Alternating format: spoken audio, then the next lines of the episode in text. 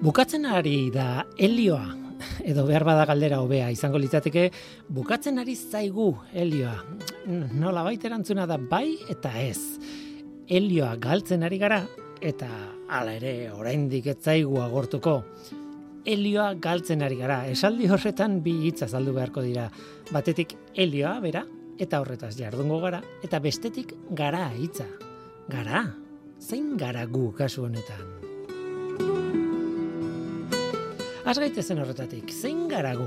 Ba, gu planetako guztiok gara. Ni, zu, zure herrikoak, europarrak, munduko biztanleak eta azken batean planeta osoa, baina planeta bera.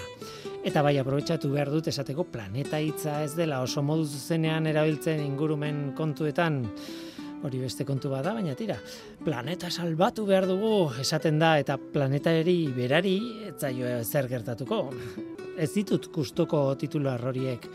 Ez da egia planeta bera arriskuan dagoenik. Badakit zer esan nahi den horrekin, eta ados, garrantzitsua da, baina eslogan bat bihurtu da planeta salbatu behar dela, eta ez da oso kontu txukuna. Planeta bera ez da pikutara joango. Metafora bat da. Politiko zuzena denez, badirudi ahaztu egiten dugula metafora bat dela, baina metafora bada. Tira, ahaztu hori. Hala ere, helioaren kasuan bai, planetak helioa galtzen duela esaten dugunean hori xe esan nahi du. Lurrean, gure planetan, geroz eta helio gutxiago dagoela. Helioa berez horrela ditzen da, ba, eguzkian detektatuko zutelako lehen aldiz.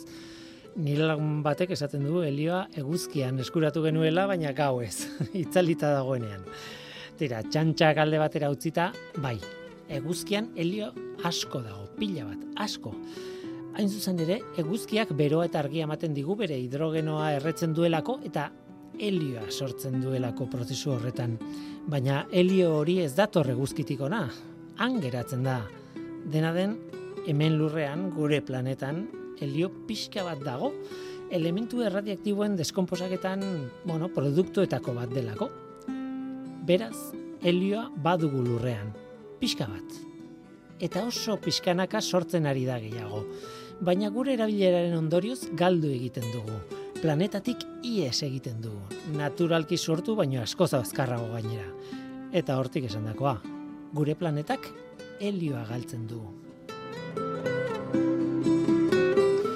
Atmosferara isurtzen dugun helioa ez da arriskutsua. Ez du beste gasekin erreakzionatzen, ez du zurik hartzen, ez baitu osigenoarekin erreakzionatzen, ez da inoiz iritsiko kontzentrazio arriskutsu batera, egia esan arrisku bakarra izango litzateke helioak oksigenoa ordezkatzen badu zure arnasbidean, baina kasu horretan helioa ez da arriskutsua, arriskutsua da oksigenorik ez izatea. Ezberdina da. Helioak ez du berotegi efekturik sortzen edo eragiten. Haren molekulak atomo bakarra duelako. Baina kontua da airea baino arinagoa dela eta beraz gorantz egiten duela ies umentzako puxikak manipulatu baldin badituzue, badakizue hori. Lurraren gravitate indarra ere ez da helio harrapatzeko adinako adina indartsu eta horregatik, bueno, askatzen dugun helioak espaziora egiten du ies. Eta horrek esan nahi du helioa ez dela baliabide berriztagarri bat. Petrolioa bezalakoa da ikuspuntu horretatik. Alegia oso poliki sortzen da eta guk erabiltzen dugunean ies egiten du lurretik. Orduan noiz agortuko da.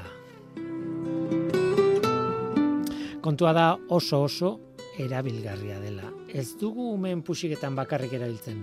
Medikuntzan erabiltzen dugu, zientzian oroar eta industrian gauza asko esateko, egiteko. Esate baterako bitxia da, helioak edozein pitzaduratatik egiten du ies. Beste gaz gehienak baino azkarrago gainera eta beraz horretarako erabiltzen da, pitzadurak detektatzeko. Oso oso erabilgarria da. Eta non dago? Ba, zenbait mineraltan harrapatuta egoten da. Eta askotan gas naturalarekin batera egoten da ere bai. Gas naturala erauzi eta helio kantitate txiki bat eskuratuko duzu. Toki batzuetan, iturri nagusietan behintzat, helioa gas naturalaren euneko zazpia izatera iristen da. Gaur egun munduko iturri nagusiak estatu batuetan daude, New Mexico eta Texas estatuan adibidez, eta Tanzanian ere bai izan ere munduko iturri nagusia antxe dago, Tanzanian. Helioa ez da agortzen ari.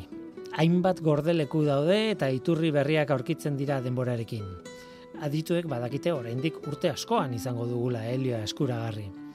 Neurri batean petrolioaren antza dauka lehen esan dudana, baina noski oso bestelako testu inguru batekin, ez? Ez petrolioarena hain zuzen. Hori bai, merkatua, merkatua da. Eta kapitalismoa produktu guztiei aplikatzen zaie. Helioa urriago bihurtu ala prezioak gora egingo du. Asko esaten dute pusikak helioz beteta, betetzea lusua dela. Mm, gorde inberko dugulako.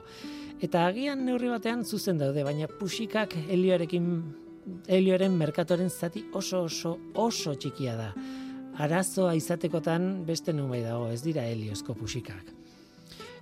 Eta azken kontu bat, helio aurrituala haren prezioak gora egingo du noski, baina esagutzen dugu kapitalismoa, ezta?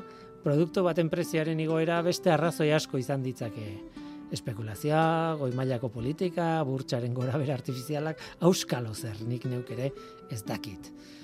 Helioa oraindik ez da agortzen ari atmosferan galtu egiten dugu, baina ez da oraindik agortzen ari. Nola nahi, ere badakizue, helioa gas noblea da. Gu aldiz, ez.